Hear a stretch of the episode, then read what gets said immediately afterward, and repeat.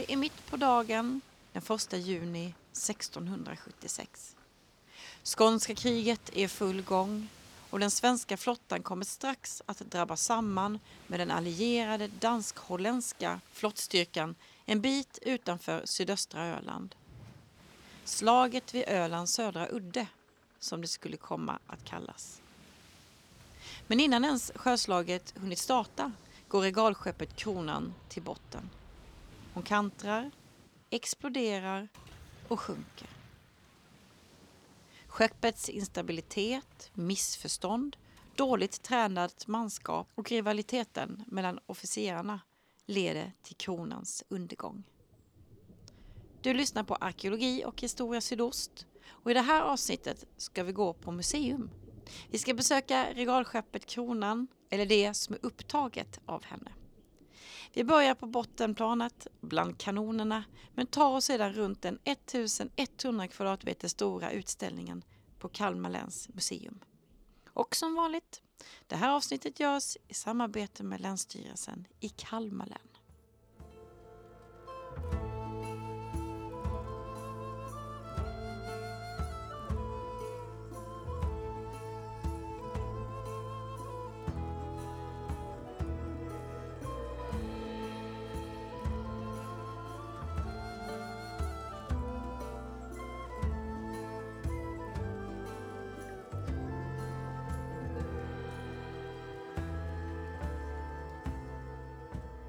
Hej, jag heter Lars Einarsson och jag jobbar på Kalmar läns museum då, som eh, marinarkeolog och som projektledare för de marinarkeologiska undersökningarna av kronan.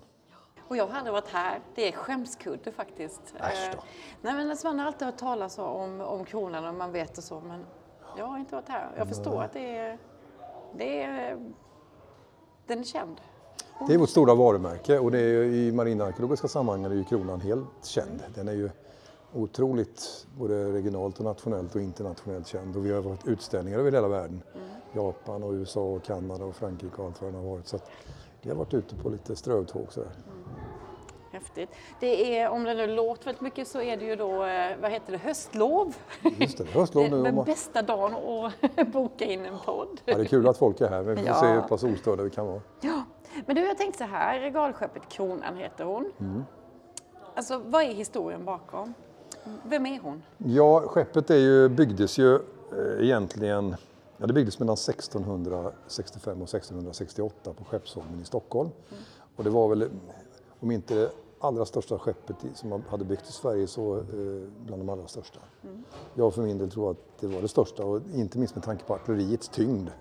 Som är ju tre gånger så tungt artilleri som på Vasa till exempel. Och de största kanonerna är, väger eh, två ton mer än vad de största kanonerna på Vasa gjorde. Så det är en enorm eh, eh, ekonomisk ansträngning att bygga det här skeppet. Och eh, det är ett regalskepp. Regalskepp använder man ju inte den termen under 1600-talet utan man hade, pratade om stora, medelstora, små skepp och realskepp. Det var mest för att utmärka de här skeppen att de var lite större än de skeppen som kallas för de stora skeppen. Då. Ja, ja. Och eh, budgeten när man byggde kronan var ju, eh, man, man använde ju hela den årsbudgeten kan man säga för amiralitetet att bygga ett enda skepp. Och kanonerna ombord motsvarade ju ungefär, ja, drygt fem, hälften av skeppets totala värde.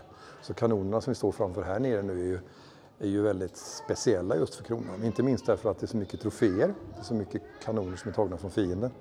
Och det är ju mer än... De här som står här? Alltså. Många är, ett, Wow. troféer. Ja. Så Okej. det, det är ju kan man säga en, en symbolisk ingrediens i kronan just att man, Ja. man försöker manifestera svensk stormakt då på ett sånt och då får man ju, leder ju det tankarna till att kronan egentligen även för sin samtid är ett museum. Just Alltså det. att man skulle imponeras av skulpturer på utsidan och kanonerna som stod där som skulle vittna om Sveriges segerrika slag mot sina fiender. Ja. Men eh, de flesta, eller väldigt många, har ju sett Vasa. Mm. Om man jämför nu bara storleksmässigt, vad är, vad är, hur, vad är skillnaden på dem? Ja, rent synligen kan man säga att kronan är ungefär eh, 8-10 meter längre än Vasa över stäv. Och eh, bredden är ja, ungefär 3-4 meter större. Men deplacementet är i princip det dubbla i förhållande till Vasa. Vilket, vad är det Ja, det är mängden av den, vikten av den mängd vatten Ja, som ja, ja, fartygskroppen undantränger då. Okej. Och eh, Vasa har väl ett deplacement på 12-1300 ton medan Kronan är beräknat till att ha ett deplacement ungefär på 2200 ton. Och det är väldigt stort för ett träfartyg. Det är inte ganska stort för ett plåtfartyg och tanker nu då för tiden, eller Bismarck som har ett deplacement på 5, 50 000 ton. Men för ett träskepp är det väldigt mycket och i synnerhet för den här tiden. Då. Wow. Mm. Ja, då fattar man. Ja, Jag har ju stått och sett Vasa. Man, Mm. man är ganska liten ju. Man kan jämföra med Ostindiefararen Göteborg också som många har sett, som har seglat runt. Och den är ju ungefär 40-41 meter över stäv. Så kronan var ju eh, ja, 10-15 meter längre då. Men det är också intressant för att på Ostindiefararen har man ju 50 mans besättning och det förefaller ganska trångt ombord av 50 man. Åtminstone med våra mått mätt idag. Men kronan hade alltså 850 man ombord. Det är Helt kanske den mest eh, otroliga aspekten på kronan, den mängd av besättning man hade ombord. Eh, man måste vara packade som sillar med tanke på att kanonerna tog så stor plats och mycket annan utrustning. Och det krävde också att man kunde disciplinera verksamheten ombord och även vara ganska restriktiv med hur man, vilken utrustning man hade ombord. Ja. Så att man liksom gav plats för alla verksamheter som skulle fungera.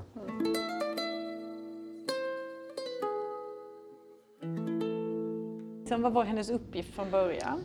Ja, flottans uppgift från början det är ju kanske, jag skulle säga rent tidsmässigt, om man ser den operativa tiden de utförde så är det väl kanske inte just att kriga och slåss ute till havs. Nej. Utan flottan har ju väldigt många uppgifter. Det är konvojering, det är trupptransporter, det är bevakningsuppdrag, är rekognosering.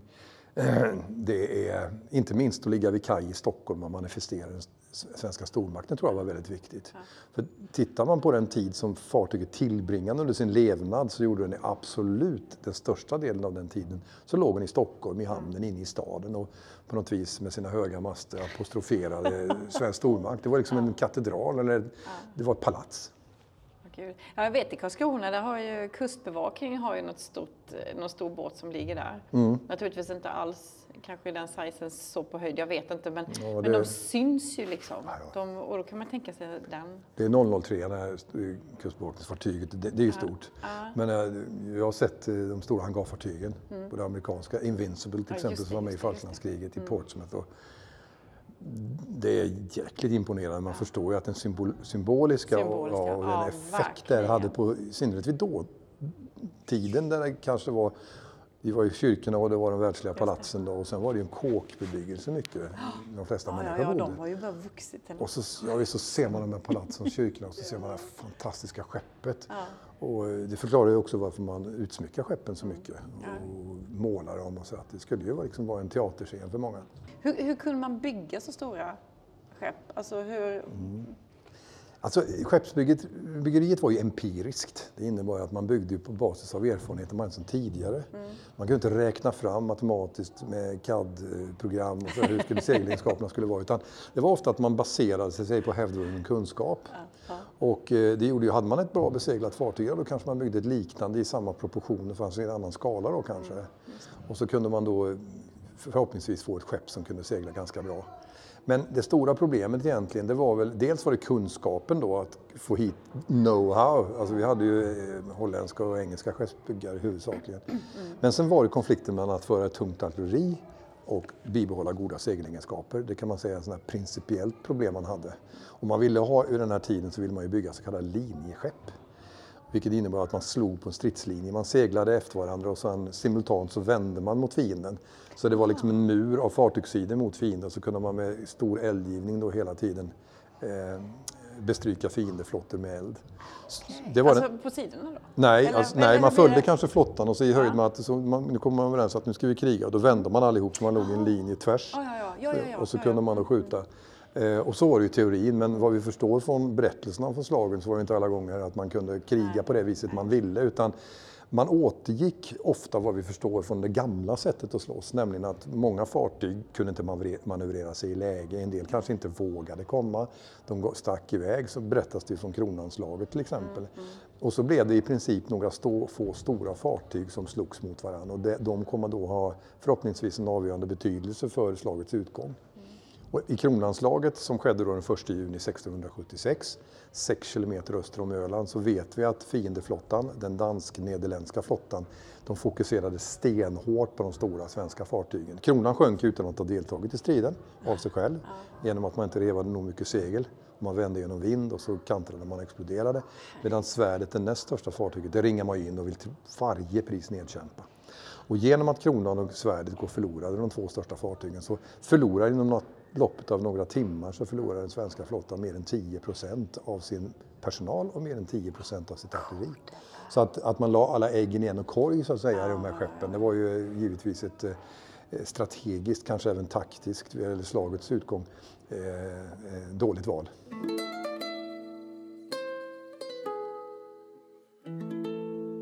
Vad finns det med att se här?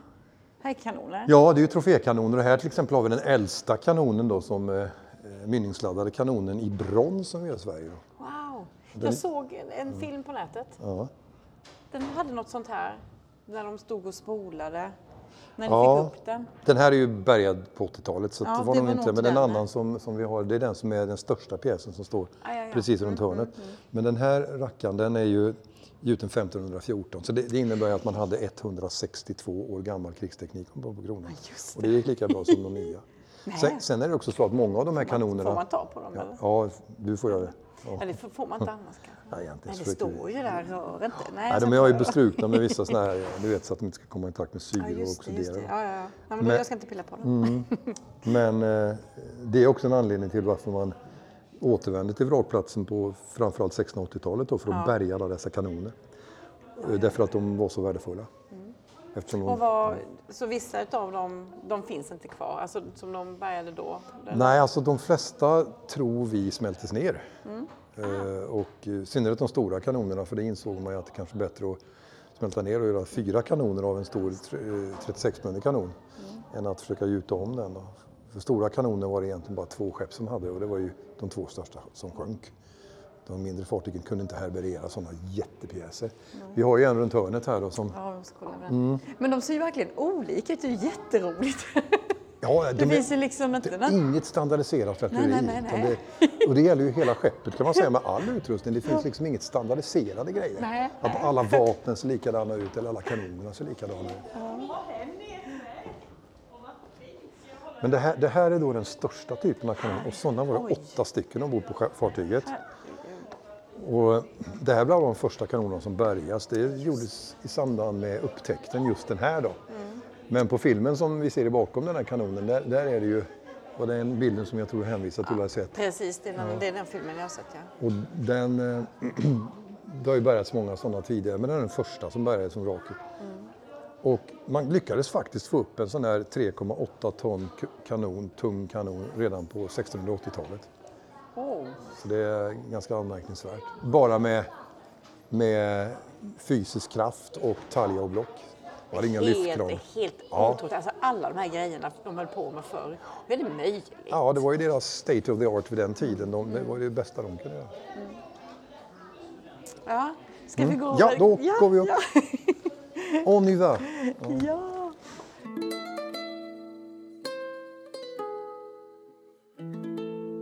Jo, så här är har målningen då. Här står vi framför en målning. Ja, och det är en målning från 1686, så den är ju fullbordad tio år efter slaget. Då. Och målad av en väldigt ung konstnär som heter Claes Möyniken. Han var Lübeckare men jobbade åt den danske kungen. Då, för det här är ju självklart ingen målning som svenskarna ville göra. Nej. Utan det här är ju vinnarsidan. Och den beskriver ju, som du ser här till vänster i bilden, så är det ju kronan som kantrar och exploderar. Och otroligt effektfullt och spektakulärt. Man ser enstaka besättningsmän som slungas iväg i luften. Ja men gud, de hade målat in människorna Ja. Nice. Och sen eh, har man då svärdet i andra bildkanten, det näst största fartyget som också är inringat här. Och på akterspeglarna, för alla fartyg vänder ju häcken upp mot oss. Och det är för att på akterspegeln så kunde man se vad de hette.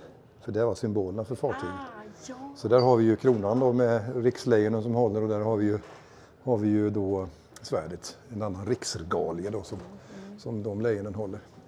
Och dessutom är det två andra fartyg i bildens mitt här som också är svenska, det är Järnvågen och Neptunus. Och de är med här därför att de uppringades ju av, av danskar och holländare och fördes till Köpenhamn då. Och sen är de stora danska fartygen med också. Ja, för det har jag förstått att, att det var lite att komma släpandes med ett svenskt skepp. Då. Jag hörde om, Ja. om att de försökte ju med Constantia då, om att, att, ta, att danskarna inte skulle ta skeppen. Liksom. Exakt, då var det bättre att bränna det egna skeppet. Ja, det och det var det det. som svärdet gör. För att eh, amiralen däremot, som heter Claes Uggla, Mm. han, han eh, lät ju det, fartyget brinna för att det inte skulle falla i fiendens händer. Eh, så det, det var liksom, och tapperhet och dygd och så, sådana begrepp under 1600-talet var väldigt viktiga. Och det som verkligen lyfte manligheten vid den här tiden, det var ju kriget. Ja, Eh, alltså, krigaridealet var ju väldigt stort. Och det var ju så ofta de här befälhavarna, de, de var ju uteslutande ur, ur adeln och aristokratin. Och, Men så de, de brände hellre, de sänkte hellre dem än att Ja. fick dem? fick inte falla i fiendens händer. Och var det för att då skulle fienden ha ett bra skepp eller var det bara att ni ska inte ha... Alltså att var det prestige? Både, det, det, den, en anledning var ju att man fick ett fartyg, man kunde Mm, lära sig skeppsbyggeri och man kunde mycket annat. Men två andra skäl var ju att man kunde också, alla kanonerna ombord var ju värda astronomiska summor. Så att kunna kronan liksom ta, ta hem på eh, 100 ton, flera hundra ton artilleri var ju jättestort. Och det tredje faktorn var ju faktiskt besättningen. För de kunde man använda i utbyte mot andra fångar. Vi ser det i Israel-Palestina-kriget nu hur man liksom förhandlar med, med gisslan och sådana man har tagit. Eller så var det ofta faktiskt så att enkla båtsmän, de kunde gå i utländsk tjänst. De kunde lika gärna, om de fick mat och så vidare, inte hade någonting att förlora, kunde de övergå i dansk tjänst. Och det såg man mellan fingrarna eh, med, med, från svensk sida, Okej. eller dansk sida. Men däremot om en officer gjorde samma sak, då var han för evigt dömd. Då, kom han tillbaks till hemlandet och arkebuserades. han, eller- Så där var det en hederskodex som gällde officerare. Gud vad det måste varit hemskt. Mm. Alltså, Ja, jo det är ju en eh, fruktansvärd, det är Sveriges största fartygskatastrof innan Estonias förlisning. Alltså Sveriges största enskilda fartygskatastrof, 805, 800 man säger man. På Estonia var det väl 852 personer som dog. Men det man också ser i den här målningen det är att det är ett väldigt komprimerat motiv i tid och rum. Fartygen var ju i själva verket inte så nära varandra som det är här. Kronan kantrar ju och exploderar ju eh, flera timmar innan man har ringat in svärdet. Men här har ju danskarna, då, fienden, så att säga, vår fiende, har ju försökt att få med det allra göttaste i, i bilden här. Va? Verkligen vältra sig in det svenska nederlaget. Inte minst man till exempel målar kanonportarna på kronan här i det kantrade skeppet med svenska flaggor och så var det ju sannolikt inte. Och det är ju bara för att förtydliga att det här är svenskarnas skepp som var, går under. Ja, Ja, men vilken häftig tavla. ja, den skulle man ha hemma. Men den finns på affisch faktiskt i vår reception. Så vill man köpa den Ja, så ja, man kan köpa den där. kan man ha den hemma och Ja, sitta ja, där och ja. känna sig lite adlig. Ja, ska vi gå runt? eh, Absolut. Mm, det här är lite grann visionsrummet då, men vi kan börja eh, här borta då.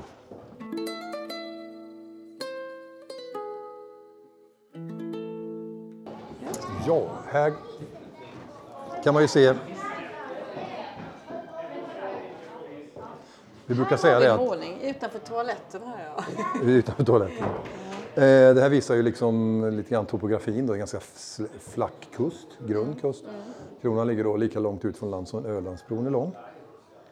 Så det är 6 kilometer och sen så eh, börjar det djupna lite där så hon, eh, vraket ligger på 26 meters djup, vilket är ganska bra djup. Rimlig dyktid, ändå så pass djupt så att det skyddar mot erosion. För att det är en enorm vågverkan här när det blåser ostligt till exempel. Det mal sönder allt på grundare djup. Så ligger det rakt utanför det som är Hultersta kyrka. Då. Så, alltså, nu ska vi se. Sö, söd, södra Norr, Öland norrut är där kusten är så. Ja, ja, ja, där är Så vi. vi står liksom och tittar norrut Just här. det, så det är öster om Öland. Ja, det är det. På södra Ja. sidan. Och där då så ligger ju vraket och det upptäcktes ju i augusti 1980 av kan man säga Franzén var ju hjärnan bakom och sen kunde han liera sig med människor som hade personer som hade teknisk kunskap. Franzén, vem är det? Anders Franzén som också lokaliserade Vasa. Ah, ja, ja, ja, ja, just Ja, det. så han är ju pappa kan man säga både till Vasakronan, Ja, han väckte ja. ju det. Ja. Och sen var det ju tre ingenjörer då som, eh, som eh, Sten Ahlberg, Bengt Gisell och, och eh, Bengt Börjesson som tillhandahöll teknisk kunskap och teknisk utrustning för att man skulle kunna lokalisera vraket. Mm. Så att, eh, och då uppstod en diskussion först vad, vad som skulle hända med vraket och eh, första King fick ju Sjöhistoriska museet i Stockholm. Men han, man hade ju redan ett regalskepp och tyckte att det räckte med det. Och sen pratade man faktiskt med Karlskrona med eh, Marinmuseum. Man tyckte också att eh, det här var en stor tugga att ta mycket resurser som krävdes. Och så närmade man sig till länsmuseet och så sa länsmuseet ja det vill vi ta hand om. Vi har inga pengar men det ska vi göra. Och på den vägen ner, för kronan har ju varit och är till övervägande del privatfinansierat, alltså sponsorfinansierat. Vi har aldrig fått eh, betydande, vi har, i vissa, viss form har vi ju fått statliga medel men absolut lejonparten av det är ju, är ju sponsorsmedel från företag och privatpersoner. Och inte minst marinens insatser nu är jättestora och kustbevakningen har varit. Ja, man får hjälp av dem eller? Ja, nu har vi ju Belos, alltså flottans största fartyg som vi dyker från. Så Det, det är ett dykfartyg vi har. Det- De dyker så långa dyktider också med den typen av andningsgas de har. Den utrustning. Inte minst så kallad dynamisk positionering vilket innebär att man inte har någon ankare i utan man kan ligga väldigt starka vindar med satellitnavigering och, och eh, ja, vi är inte alls väderkänsliga utan vi tappar ingen tid på grund av dåligt väder. Ah, gud vad fräckt. Mm. Ja, det var... Så vi är väldigt tacksamma för att första ubåtsflottiljen i, i flottan hjälper oss med det. Det är av avgörande betydelse för att kunna fortsätta projektet. I synnerhet nu när vi gräver under fartygssidan för vi håller på att kartlägga skulpturerna som ligger på undersidan. Vi vet- Just nu alltså. Ja, just de här sista undersökningarna. För att det vet vi inte så mycket om hur fartyget var utsmyckat.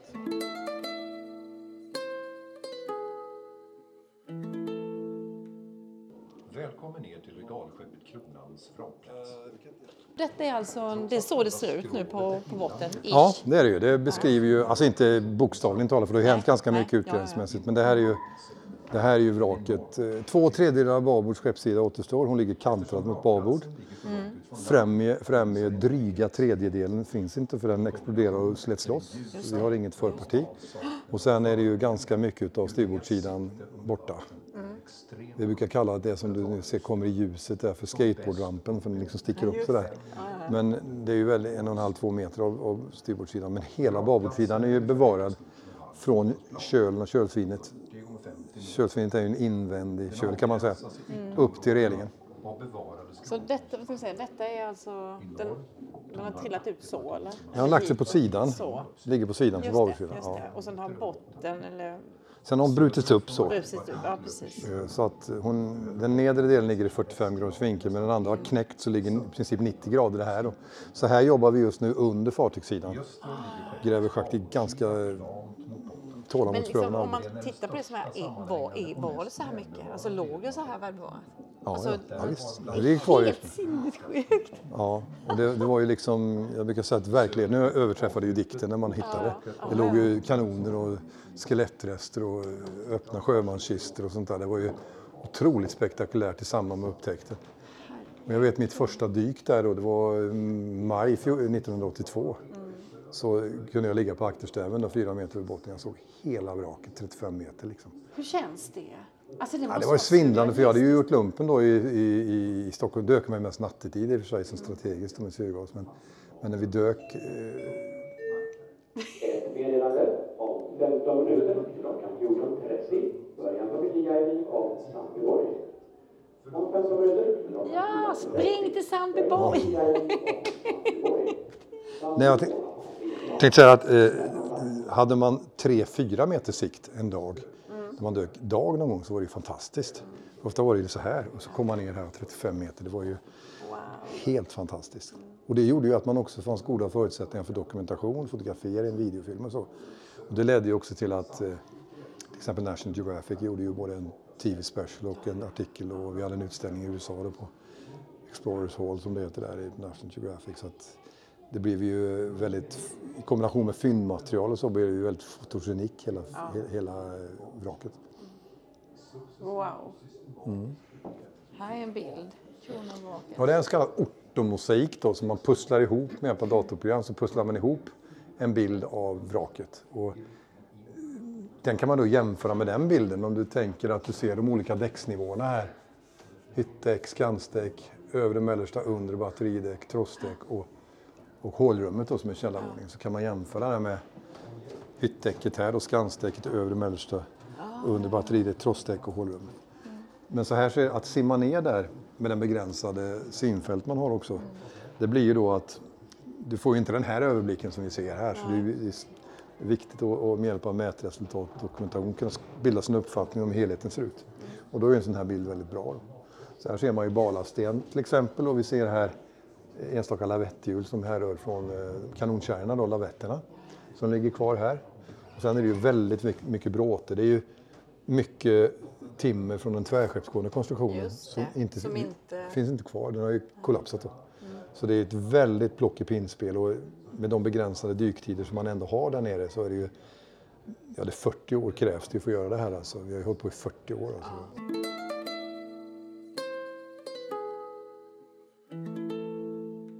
Det, Men om man då bara går igenom de här dykningarna. vi börjar, ja, ska se. Vi, vraket upptäcktes 1980 men undersökningarna påbörjades 81 81.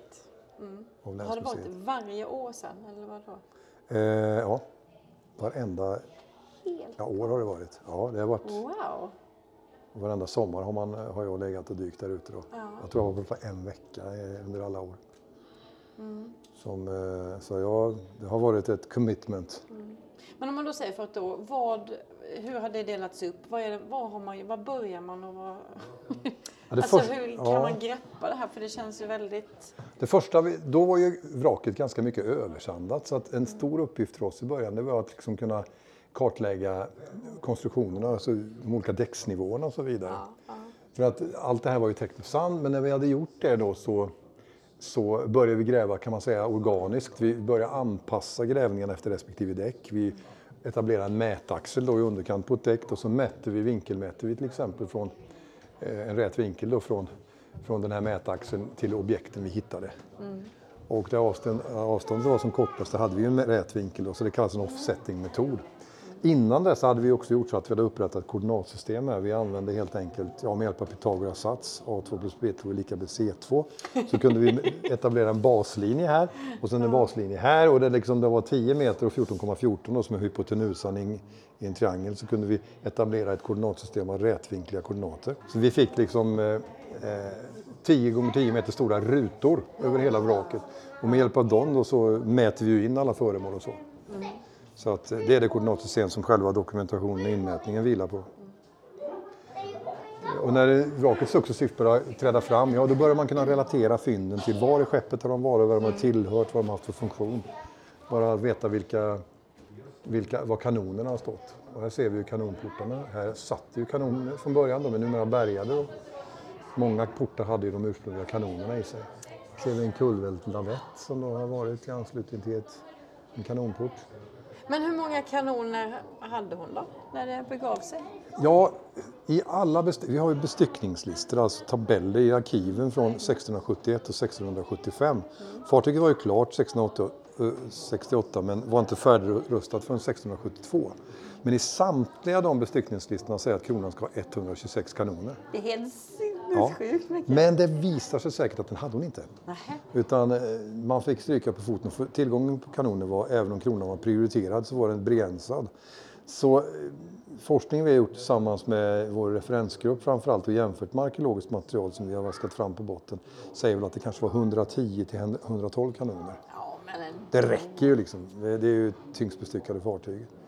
Så vi räknar med det och vi har hittills bärgat 48 kanoner.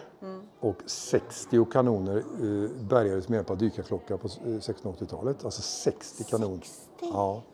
Och det här var alltså 100 Gud år, vad de snodde åt!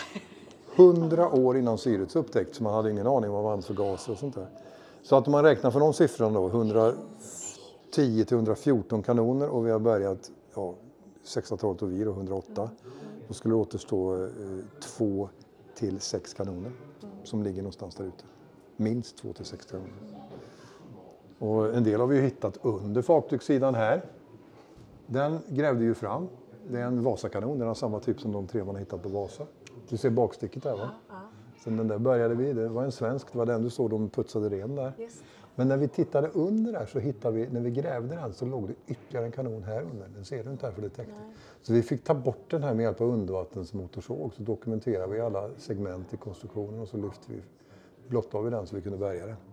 Sen när vi grävde här uppe med, med Belos då och eh, tungdykarna där så kunde vi kartlägga en, en, ett, en kanon som låg under det här däcket också, ungefär här. Stack det. Och den var också en sån där 36 pund kanon som är 3,8 ton. Så där hittade vi en 3,8 tons kanon och där hittade vi en som vi inte visste fanns där tidigare. Så att det kan ju ligga fler kanoner utav de här två till sex som saknas under fartygssidan. Så det, Ja, och har ett har det, det har trillat ditåt nu då? Eller Ja. hon välte ditåt. Så det är klart att några har väl stuckit som... Ja. De väger ju del, men de har väl försvunnit ner. Elva stycken har hittats söder om vrakplatsen. Och de tror vi ramlade ur fartyget i samband med kantring och explosionen. Ja, ja, ja, ja, Så där kan det ju också så ligga fler. Ja. ja. Och det tror jag företrädesvis var de, de mindre kanonerna som var högre upp i fartyget. Då. Men eh, åtminstone de vi hittills bärgat, där, där söder om vrakplatsen, det är lättare kanoner.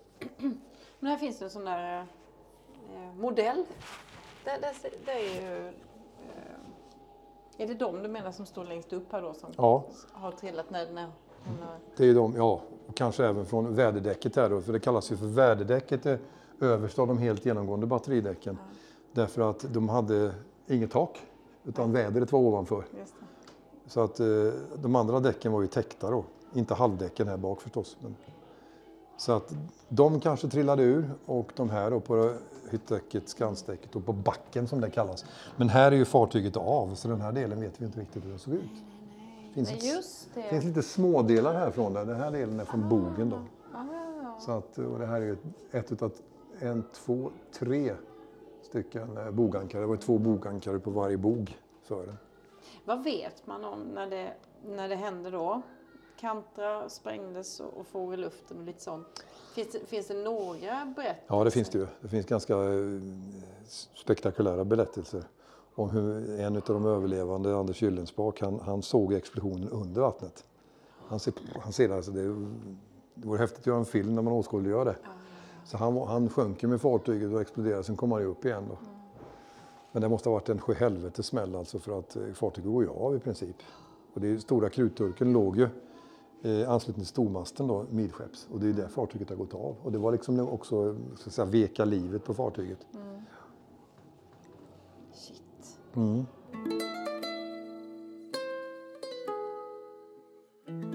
Ja, det kanske mest spektakulära, alltså mest symboliskt viktiga fyndet är ju den här krigarfiguren. Ah, vad är det för gullig gubbe? Det är ju Karl X Gustavs säkerligen som står här i kontrapost. Med romersk triumfatordräkt och eh, mage förstås, för det visar ju pondus och, och eh, Det är annat än nu. Vad sa du?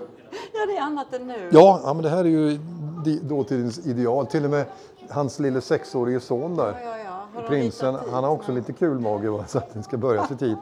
Okej. Och den här, vi grävde i princip en vecka på den här, ett helt dyklag, 1987. Och när den kom upp på vattenytan efter 311 år på botten och flöt den på ytan. Så det var inte sjödränkt. För den hade legat, stått på, stått på huvudet rakt ner i den här syrefria glacialleran då, som gjorde att den var, den hade inte, var inte penetrerad av vatten. Så den är ju mint condition på den kan man säga. Och liksom när man ser hur de har jobbat, det är så coolt. Ja, Var det med färg då när det begav sig? Nej, den såg ungefär ut så här, men du ser att det finns en grundfärg där. Och den kallas ju för bolus ibland när man lägger på bladguld sen, men jag tror att den har varit bara bemålad. Olika typer av pigment då. Men det vi ser där, det är ju inte lera, utan det är, i skrymslenivåer har vi säkerligen kvar den ursprungliga. Mikroskopiskt så skulle man kunna analysera den ursprungliga, den ursprungliga färgen. Så man vet exakt hur den ser ut. Men eh, den där stod ju förmodligen på akterspegeln på hörnet mellan den aktiva sidan som kallas för låringsgallerier och på akterspegeln. Och har haft en spegelvänd motsvarighet på andra sidan. Så en har stått på ena sidan så, så har den andra stått så. Då. Kungen är det ju definitivt med krökt näsa och panacheklädd hjälm och det här. Så det är Karl X Gustav. Den första pfalzkonungen då, i Sverige som efterträdde drottning Kristina då, 1654.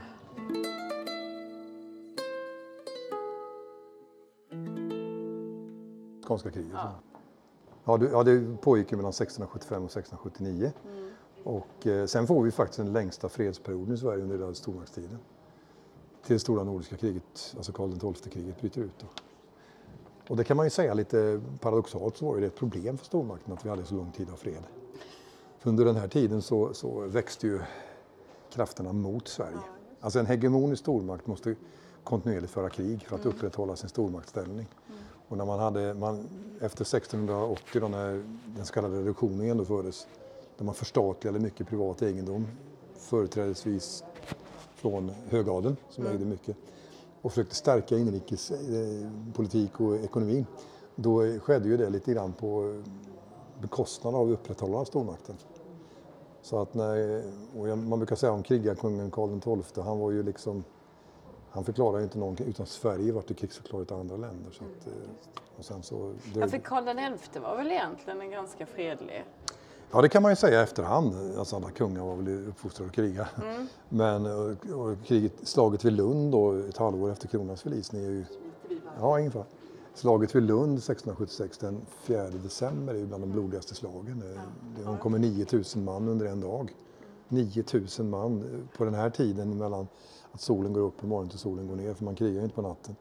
Det är ganska bra jobbat om man uttrycker sig lite cyniskt. Och det var avgörande för slagets utgång att vi slog danskarna där. Och sen var det ju fredsförhandlingarna sen 1679 som gör att vi fortfarande har Skåne kvar kan man säga. Men sen är det en, en fredsperiod. Det, det, det var väl bra att kungen höll Sverige i, i fred och stärkte ekonomin i landet då och så. Men, men sen eh, gick det ju åt pipsvängen sen då under stormakten faller ju då 1721 genom, formellt genom fredsslutet. Och då tappade vi ju mycket av, utav Baltikum och det vi hade. Och sen försvann ju det senare också. Attans! Ja, och tänk om vi hade haft det. Vad bra! det hade- Vad bra det hade varit! Nej, inte säker. Ja, men det förklarar också ja, Sveriges stormaktssträvande. Det var ju det här att, att eh, eh, man brukar använda två begrepp. Det är ju sjökanten då, att kunna ha strandremsorna runt Östersjön med flodmynningarna, kunna uppbära tullar och acciser. Det andra är ju mare clausum, att ha kontroll över Östersjön och handeln där. Ja. Som ju företrädesvis bedrevs av holländare och engelsmän. Tänk att holländarna var så... Stor handelsnation. Och där kommer ju alla de här liberala tankarna och så här. Och, liksom, eh, och det var ju också det som Sverige var beroende av. Vi exporterar en råvara som de raffinerar och tjänar de stora pengarna på egentligen. Vi skickar iväg råkoppar och, och, och, järn och skogsprodukter och sådär.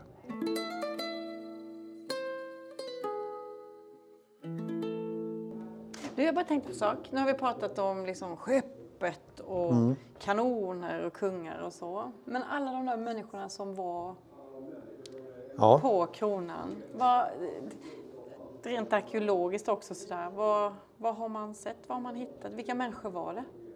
Man kan säga så här att fotavtrycken om dem, om man uttrycker sig lite allegoriskt, är väldigt grunda. Och det beror mycket på att de hade inte så mycket saker med sig ut i havs. De är, jag brukar säga att de verkar vara avpersonifierade och kollektiviserade. Alltså, Som i de flesta krig kanske. Ja. Riksamiral han har med sig liksom guldmynt, broscher, böcker, allt som en adelsman skulle ha med sig. Inte därför att han nödvändigtvis använde hela tiden utan han hade ett entourage av både prylar och människor runt omkring sig. Medan den enkle båtsmannen, han behövde bara ha en sked och kunna äta i ett backlag tillsammans med andra. Och lite enkla grejer för sitt liv. Annars så behövde han inget mer. Han var liksom bara... Och därför är det en förklaring att inte, de var ju ändå 800 man ombord, dessa båtsmän och artillerister. Så jag tror det beror mycket på det. Men visst hittar vi deras grejer. Vi hittar karpuser, mössor, skedarna förstås, enkla trädiskar som du ser här. Lusborsten här är ju med överallt. Den finns ju även bland högadeln. Därför att man, löss och råttor har ju alltid funnits runt människan.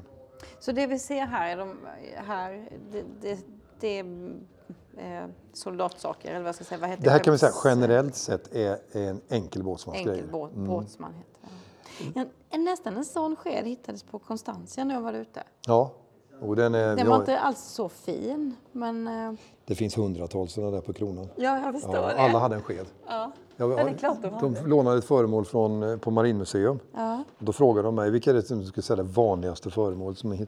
Ja, det är skeden. För den har alla i olika Alla, former. ja. Och sen pipan där så är det bitmärken på den trots att den är så kort. Ja. Och det är ju, det är ju en enkel båtsman. Jag tror inte att Riksamiralen rökte från en eh, kort pipa utan de hade ju tjogvis med pipor. För de var ju ganska bräckliga. Och här ser vi en, hur pipan egentligen skulle ha sett ut då. Oj, alltså har den varit ganska lång från början så har man Ja. använt samma? Så den har brutits av och brutits av och brutits av. Ah. Och där har du ju de långa piporna då. Och sen är det ju då de här sidenbanden och det, det är tändskedar och, och det är tändfat. Det var ju definitivt.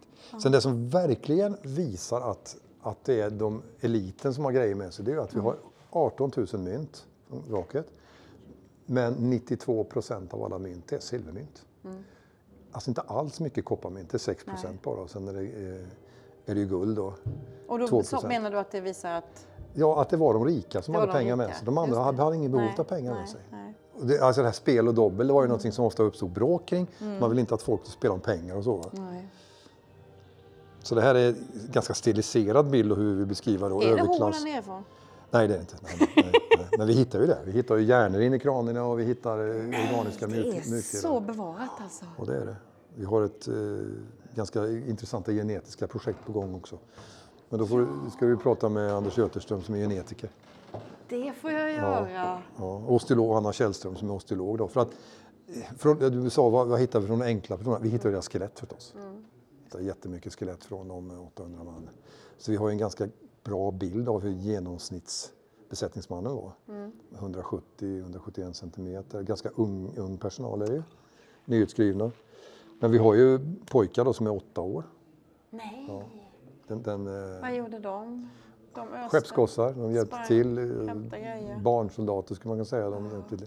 Och sen har vi ju eh, äldre män också då, som åldersstyrmän. Och Kreutz är ju 61 år när han dör. Han föddes 1615 då. Så att, eh, det finns ju gamlingar men sen också väldigt unga människor. Men bara män.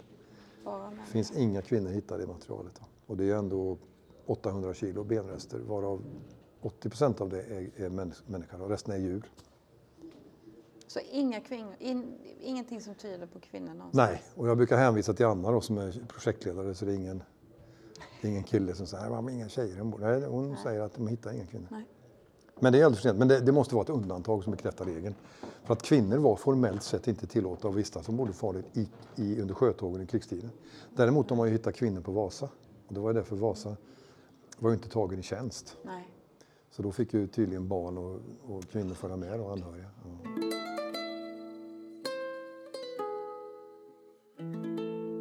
Sen har vi ju mycket praktföremål. Vi har ju oerhört mycket tenn som du ser här. Och det är ju bara kända mässare kan man säga. Alltså det är hur mycket prylar som Ja, helst. ja, det är- Hur mycket har ni hittat? Ja, vi har ungefär vi har 18 000 en- entries i databasen då, men sen är det ju väldigt många föremål som är kanske på ett fyndnummer. Mm. Men vi kan säga kanske 100 000 föremål om man räknar varje enskilt. Ska ni dyka nästa sommar? Ja, det är meningen. Vi- Nej, då måste podden med ut ju. Ja, i vecka 33 är det, är det planlagt då. Tillsammans med röjdykare, eller med Ah. Belos då. Så att då får du väl följa med från Karlskrona. och Det är de som bestämmer. Ja, precis. Ja, det är ja, väldigt ja. bekvämt. Det är, walk in the park. Jag har ju sovit på däck på små båtar. Så jag vet. Men det är ju verkligen resurser så att man kan fokusera Men hur länge ligger ni ute då?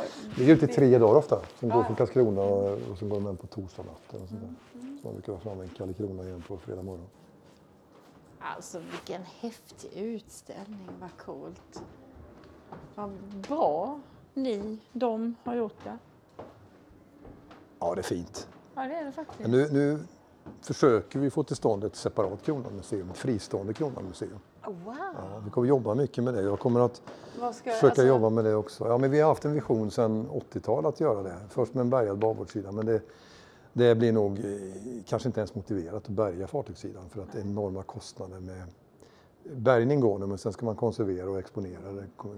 Men det första är att skapa ett eget rum då, för, eh, som en del av museet, och här länsmuseet, men ett fristående museum där man kan profilera varumärket. Men det ska inte ligga här, alltså då får man lägga det... Ja, det, det bästa är om det skulle kunna ligga ganska nära museet här då med, med Ta bort parkeringen. Ja, ja, men någonstans nära havet måste det vara också. Ja, ja, Så att man inte lägger det i ett industriområde någonstans. Eh, och det var faktiskt ganska coolt för att Kronan är värd den mässan. Liksom. Det, är, det, är så, det, är så, un- det är ett unikt projekt. Va? Ja. Den är viktig för vår region. Men du, vad, betyder, vad, vad betyder det här att man hittade kronan och har kunnat göra detta? Vad betyder det för vår historia eller? Ja, det är en stor fråga. Men jag tror att det, betyder ju, alltså materialiteten i Kronan, att, att få fram saker som kan berätta om människorna och livet ombord och tiden är ju väldigt viktigt. Sen är det ju också så att, att eh, just det här med materialitet, föremålen, det är ju någonting som vi, från ett slutet fynd. Alltså det här är ju grejer som existerade vid samma, på samma plats vid samma tidpunkt. Allting hör ihop. Ja. De är inte insamlade av ett museum från olika håll och kanter utan det här är grejer som har funnits exakt och frysts i dödsögonblicket när fartyget gick under. Så allt det här hör ihop. Ja. Och det är det fantastiska med kronan. Och den fyndrikedomen som det är givetvis. Det är Och se högt och lå, höga och lågas eh, tillhörigheter. Amiralens rivjärn här till exempel.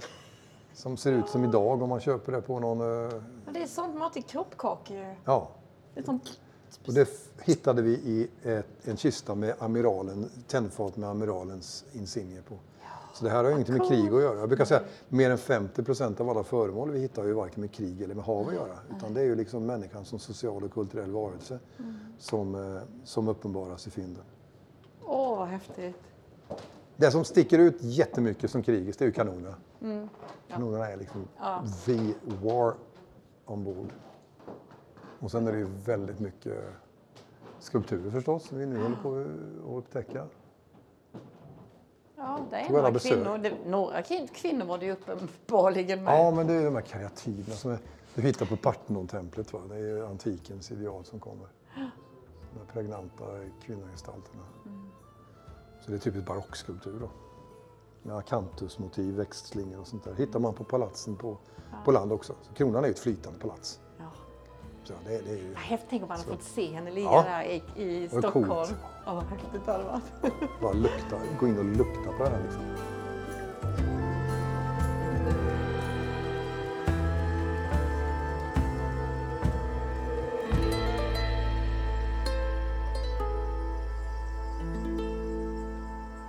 Ja, du måste dit.